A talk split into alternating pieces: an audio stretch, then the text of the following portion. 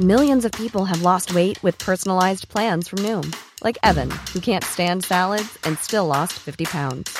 Salads, generally, for most people, are the easy button, right? For me, that wasn't an option. I never really was a salad guy. That's just not who I am. But Noom worked for me.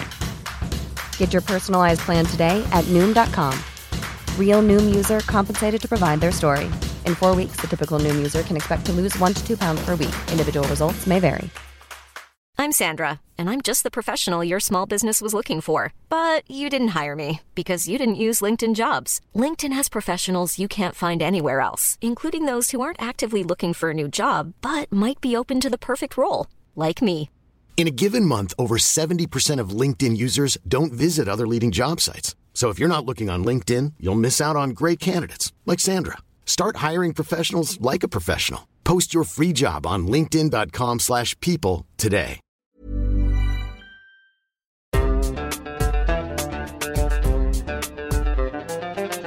بودكاست صوت.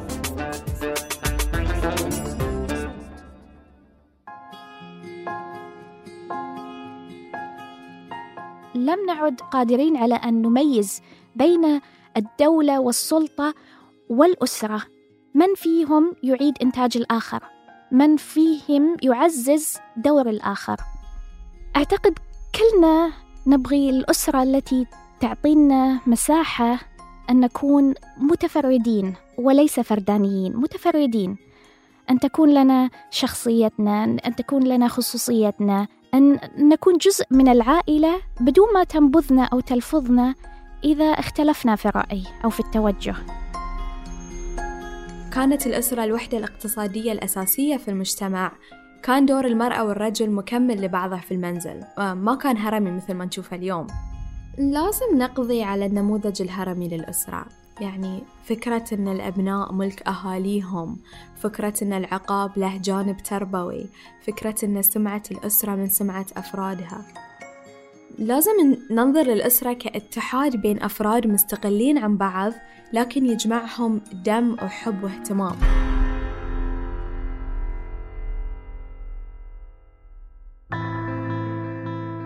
كيف وليش بتأثر العيلة على كل كبيرة وصغيرة بحياتنا؟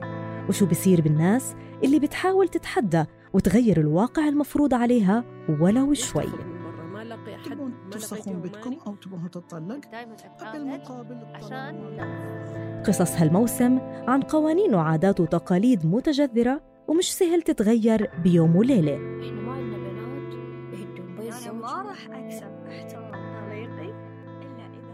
أنا تالا حلاوة من فريق صوت. في الموسم التاسع من عيب اشتغلنا مع منتجي ومنتجات بودكاست من جنسيات عربية متعددة وحملنا لكم حكايات رح تسمعوها بصوت رواة القصة أنفسهم من البحرين والسعودية ومصر والأردن والإمارات وفلسطين وعمان واليمن وسوريا. نزيهة سعيد صحفية بحرينية عايشة في برلين بتهتم بالقضايا السياسية وحقوق الإنسان ومهتمة بقضايا النوع الاجتماعي رح ترافقكم في حلقة اليوم.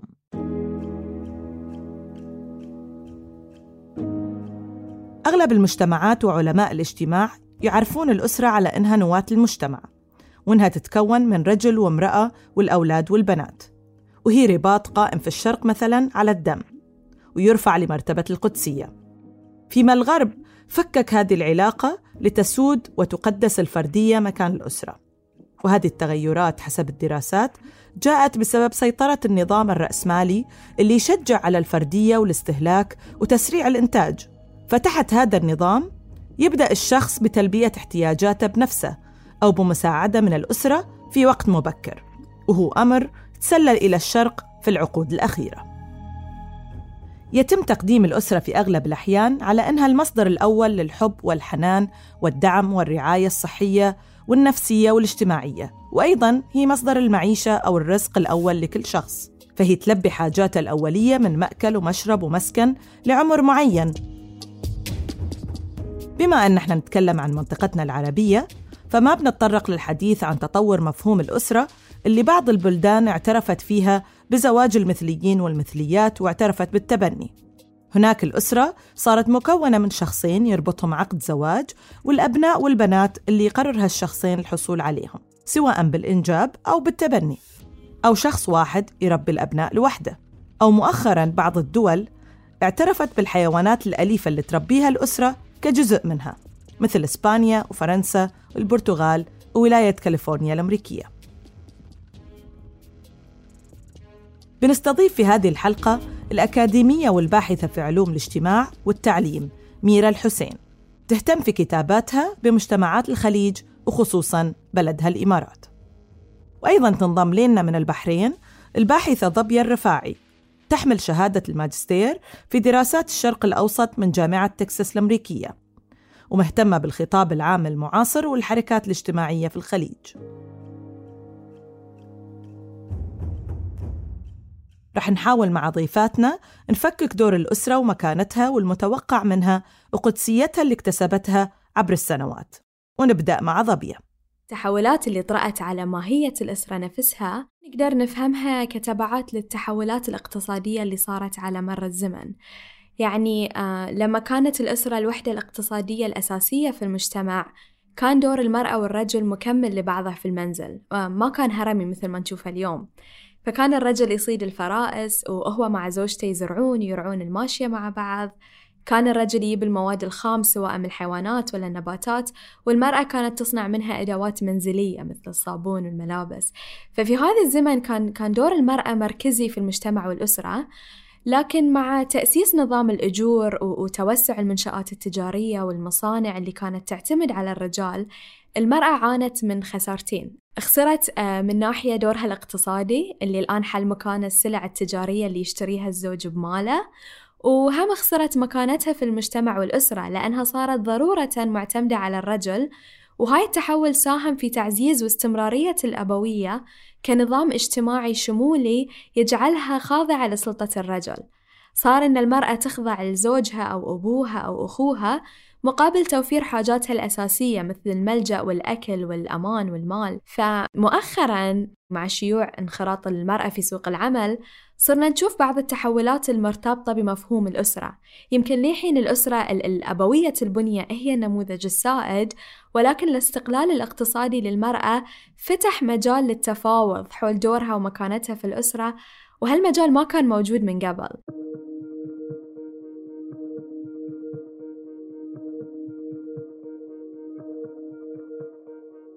تختلف تعريفات الأسرة وأيضا تختلف نظرتنا ليها حسب العلاقة اللي نبنيها معاها. وهو أمر معقد. وهذا اللي خلانا نحس إنه ضروري نفكك مصطلح الأسرة أو العائلة حتى بجذره اللغوي. خلنا نشوف شو تقول ميرا. يفترض أن الأسرة هي الحاضنة. أصلا كلمة الأسرة لها دلالات حميمية. الأسرة ك يعني تسر. أو أنا لست خبيرة لغة يعني الأسرة تسر أو هي المكان الذي تفضي به المكان الآمن الذي تفضي به بأسرارك مثلا. وهي يعني قد تكون مرادفة للعائلة لكن العائلة أعتقد اليوم لها معاني حتى قد تكون هي الطابع الغالب للأسرة وهي العائل المكان الذي يعيل الشخص. وأصبحت العلاقة نوعا ما مادية يعني فيها تجارية نوعا ما. يعني أنا سأعيلك وسأمد لك بالحضن لكن هاي الإعالة مشروطة بالولاء بأنك تكون جزء منتج في هذه المنظومة أنك تكون جزء موالي لها ولتوجهاتها. فأعتقد الأسرة اليوم هي العائلة وليست الأسرة كما نود أن نراها بمثاليتها. أتوقع أن الأسرة أصبحت كيان مهيمن أو منظومة أصابها نوع من الهسترة تحاول أن تحافظ على نفسها لأنها متخوفة من أنها قد يعني تنتهي صلاحيتها بسبب ظهور هذه النزعة الفردانية في المجتمعات. لكنها نزعة فردانية يعني يقاومها الفرد. مهما كان الفرد يريد أن يكون متفرد فهو يريد أيضا حضن ويريد عائلة.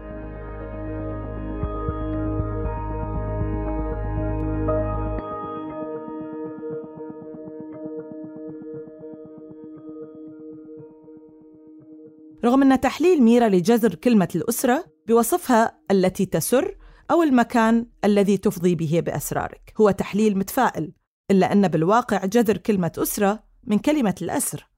فمثلا حسب معجم الدوحة التاريخي للغة العربية الأسرة تعني ما يشد به الشيء ويربط وكذلك تأتي بمعنى الدرع الحصين.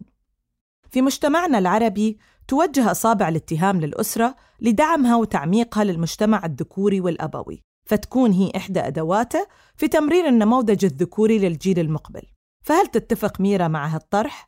تعالوا نشوف.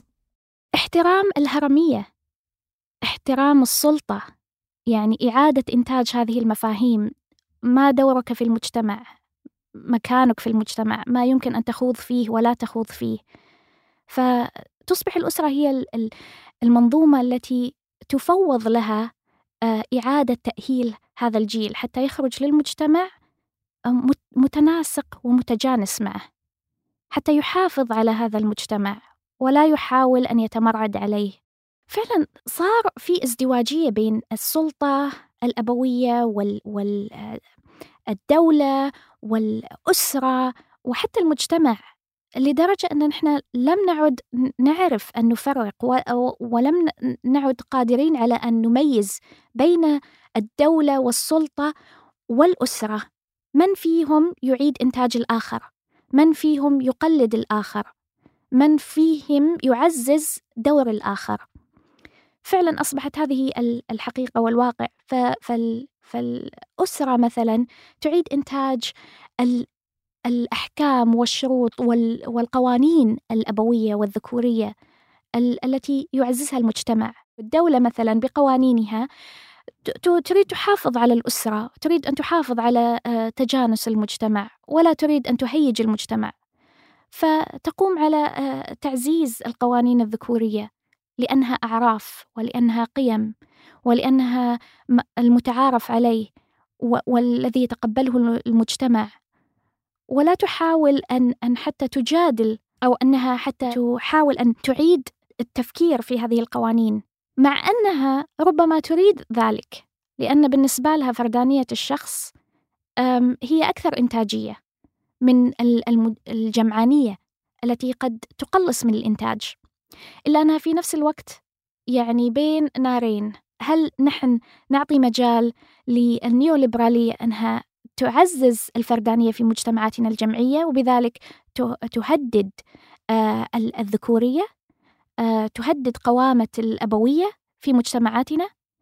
أم نسمح للأبوية أنها يعني تسود بيننا وتكون نوعا ما نوع من المقاومة بالنسبة لهذا المجتمع المحافظ لهذه القيم النيوليبرالية.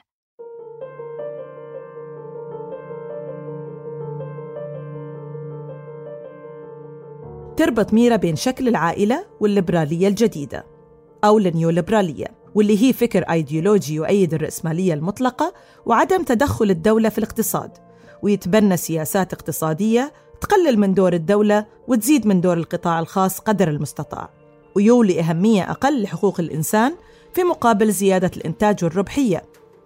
وفي هذا تتفق طبية مع ميرا في بعض النقاط وتطرح نقاط أخرى من زوايا جديدة. الأسرة مثلها مثل المدرسة والمسجد والإعلام تعد أحد آليات الدولة الأيديولوجية اللي تعيد إنتاج الثقافة السائدة. ويحصل أن الثقافة السائدة عندنا فيها ديناميات قوة غير متوازية تتحيز للرجل. أم لكن في بعض المجتمعات الأسرة نقدر أيضا نعتبرها أحد الآليات القمعية للدولة لما الإطار القانوني يسمح لها إنها تلعب دور القاضي والجلاد لما الأبناء يبتعدون عن الصراط الضيق المسموح لهم يتحركون فيه. فهذه الشرعية الموهوبة للأسرة في ممارسة القمع نشوفها موجهة بالتحديد نحو النساء في مجتمعاتنا. ولذلك يعني ما يفاجئنا لما نسمع عن نساء الجأوا للقانون عشان يعالجون قضايا متعلقة بالعنف وياهم الرد إن هذه شؤون عائلية ما تدخل فيها الدولة. أو لما نسمع عن رجال يفلتون من العقاب لما يعنفون بناتهم وزوجاتهم وخواتهم وما حد له حق يسوي أي شيء لأن البيوت أسرار. فالأسرة مو بس تعيد إنتاج الفكر الأبوي بل أيضا في دول مثل دولنا تمتلك شرعية مستمدة من الفكر الأبوي تسمح لها بممارسة العنف ضد النساء وهذا شيء مؤسف جداً.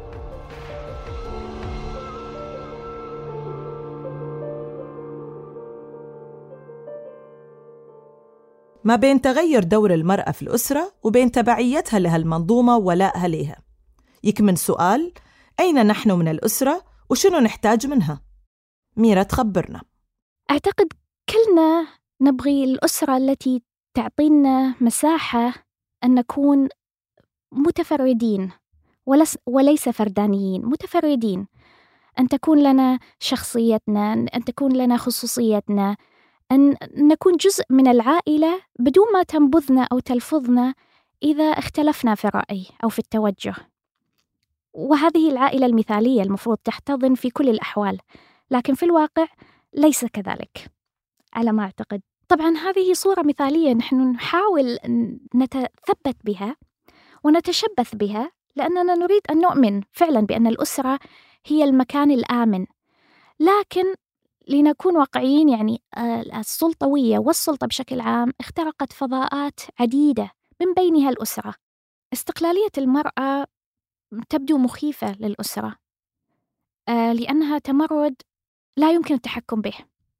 أما آه، الرجل يمكن أن تهذبه الأسرة بإعطائه نوع من السلطة فتهذبه. أنت لك السلطة إذا أنت تقبل وتضحي ببعض الاستقلالية لأنك لأننا سنكافئك بنوع من السلطة. فتعيد إنتاج الأفكار الذكورية والأبوية والرجل يرضخ لهذا لأن السلطة يعني لن ينكفئ أحد عن المشاركة والسلطة إن وجدت الفرصة. أما المرأة فلا تكافئ أبدا بالسلطة لا تعطى سلطة. فتمردها لا يمكن تقويضه. لأنه لا يمكن للأسرة أو المجتمع أن يفاوض بالسلطة.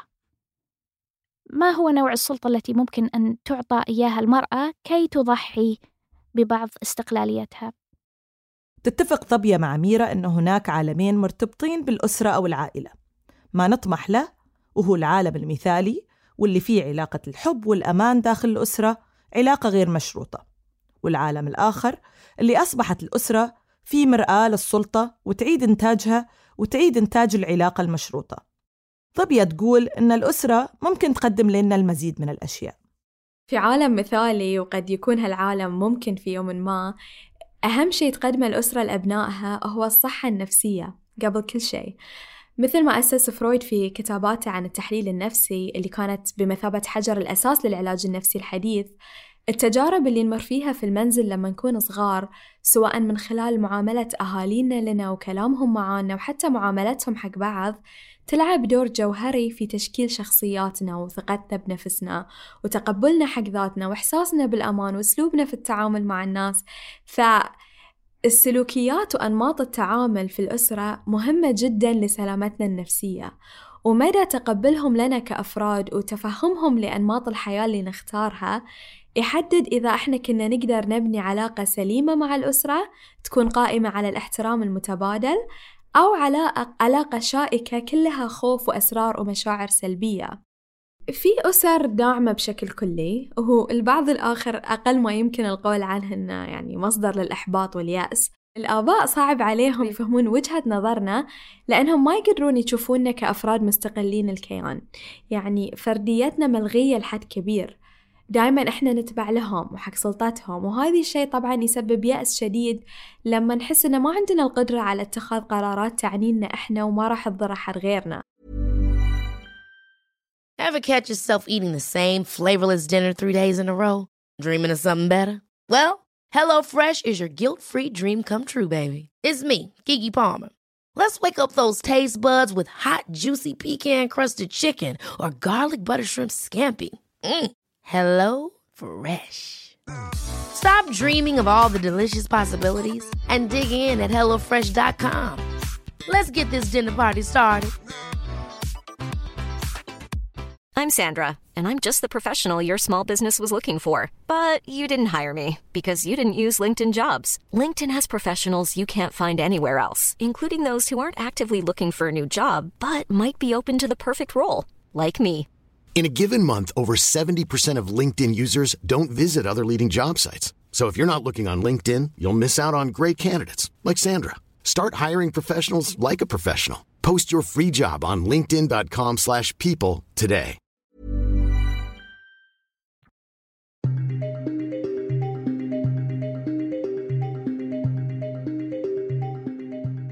بين إن الأسرة أو العيلة هي الداعم الأول لنا ومصدر المعرفة والقيم وبين كونها مصدر إحباط وقلق وخوف وقد تكون مسبب لأمراض نفسية. وين تشوف ضيفاتنا الثنائية؟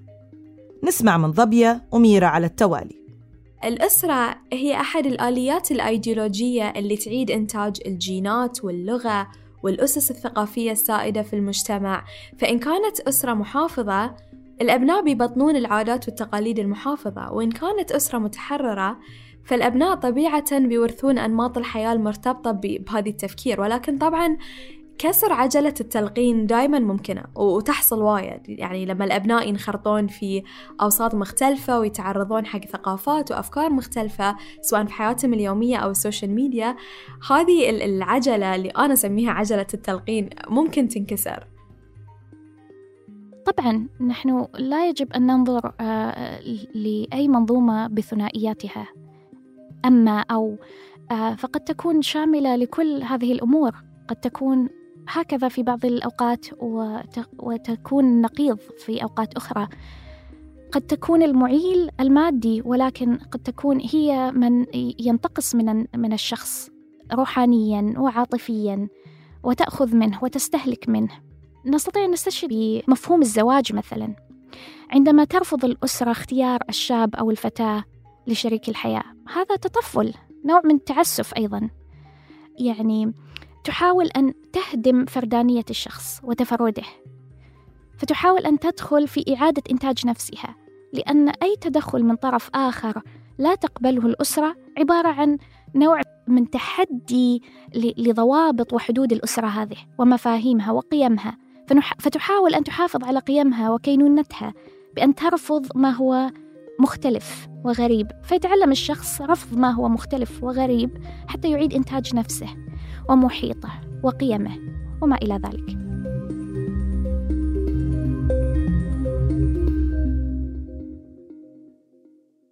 شنو اللي لازم يتغير؟ وشلون تصير الأسرة أكثر أمان وحضور في حياتنا كأشخاص نسمع رأي ضبية بصفتها مهتمة بالخطاب العام المعاصر والحركات الاجتماعية في الخليج. لازم نقضي على النموذج الهرمي للأسرة. يعني فكرة أن الأبناء ملك أهاليهم فكرة أن العقاب له جانب تربوي فكرة أن سمعة الأسرة من سمعة أفرادها. آه، لازم ننظر للأسرة كاتحاد بين أفراد مستقلين عن بعض لكن يجمعهم دم وحب واهتمام. الدعم ما يعني أن أي قرار إحنا ناخذه سليم ولازم أهالينا يصفقون لنا لا بالعكس العيال وايد ياخذون قرارات غلط.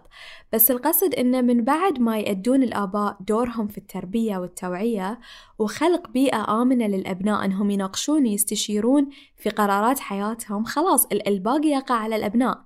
إذا اخطأوا هم اللي بيتعايشون مع العواقب. وهالعواقب يعني بيتعلمون منها وبيتعلمون ما يكررون أخطائهم وبيستجيبون أفضل لنصايح أحبابهم.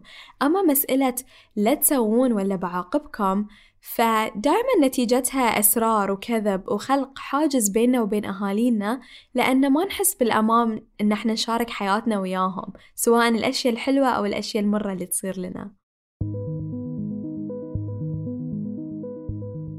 للعائلة تأثير في كل واحد فينا. وتكون السبب في اللي نوصل ليه واللي نحققه. وكلنا نطمح مثل ما قالت ضبية أن المجتمع ينظر للأسرة كاتحاد بين أفراد مستقلين عن بعض لكن يجمعهم دم وحب واهتمام. ضبية تشاركنا جانب شخصي من هذا النقاش. أول شيء أبي أتكلم عن أثر أمي في تكوين شخصيتي. أمي طالما لعبت دور الأم والأب في منزلنا وهالشي عزز فيني فكرة أنه ما أحتاج ريال عشان أقضي أموري وأعيش حياتي. لكن في نفس الوقت أمي جات من جيل تعلم يصبر على الضيم والظلم كله عشان العيال وعشان كلام الناس. وهالجانب من شخصية أمي قد ما كان يألمني لما كنت أصغر صار بالنسبة لي دافع إني ما أعيش نفس الحياة إني أصير أقوى من الظروف ما أخلي ريال يدوس لي على طرف. طالما يحترمني أحترمه لكن لما يغلط عليه فبالنسبة لي you know, اللي يابا يجيب غيره ما حد يستاهل أضيع عمري عليه.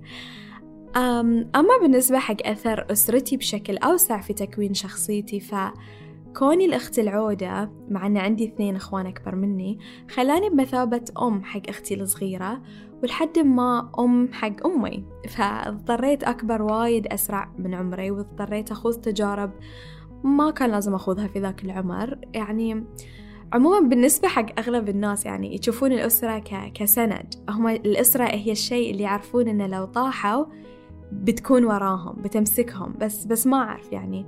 شخصيا ربيت في بيت ما قد حسيت إنه كان في حس بالاستمرارية والاستقرار. يعني ما كان في ضمان إنه لأن اليوم حلو بكرة بيكون حلو. ففكرة الأهل كسند آه، مخي ما يستوعبها مع أن أنا أعرف واثقة 100% التجارب اللي مريت فيها أثبتت لي أن أهلي فعلا سند.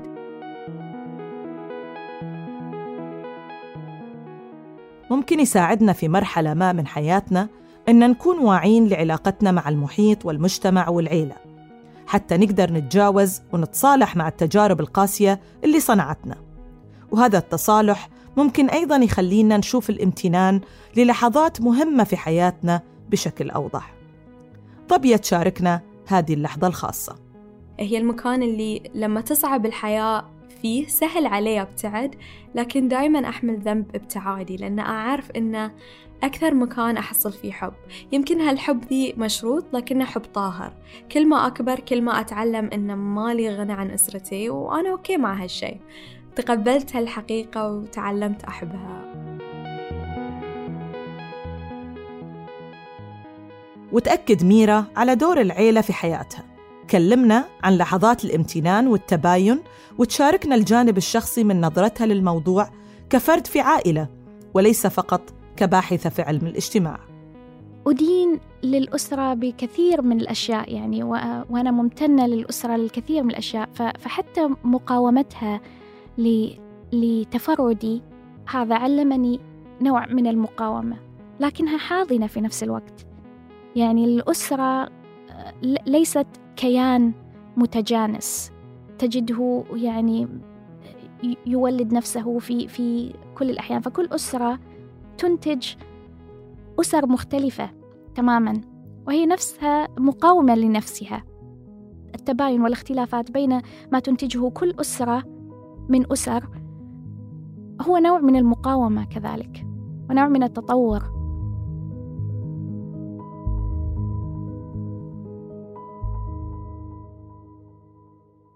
قال الفيلسوف والروائي الروسي ديستيوفسكي الألم اللي يبدأ من العيلة لا ينتهي أبداً. هذا مختصر التأثير اللي ممكن تترك العائلة في نفوس أفرادها سواء كان رضا أو ألم سواء كان ثقة أو خوف سواء كان حب أو حقد.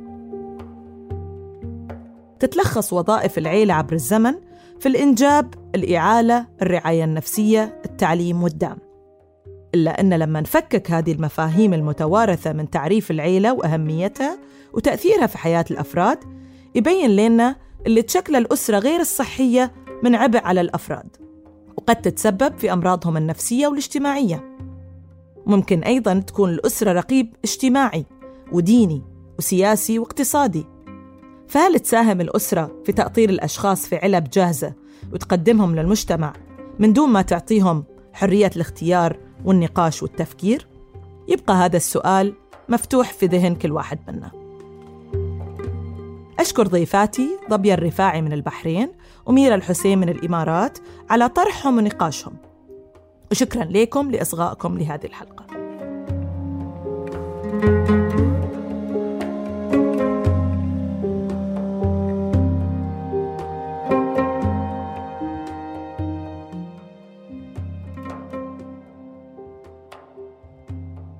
كنت معاكم من الكتابة والتقديم نزيهة سعيد من التحرير تالا حلاوة من المتابعة والتنسيق بسنت سمهوت ومن هندسة الصوت محمود أبو ندى.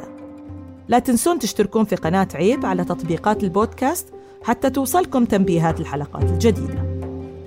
بودكاست عيب من إنتاج صوت.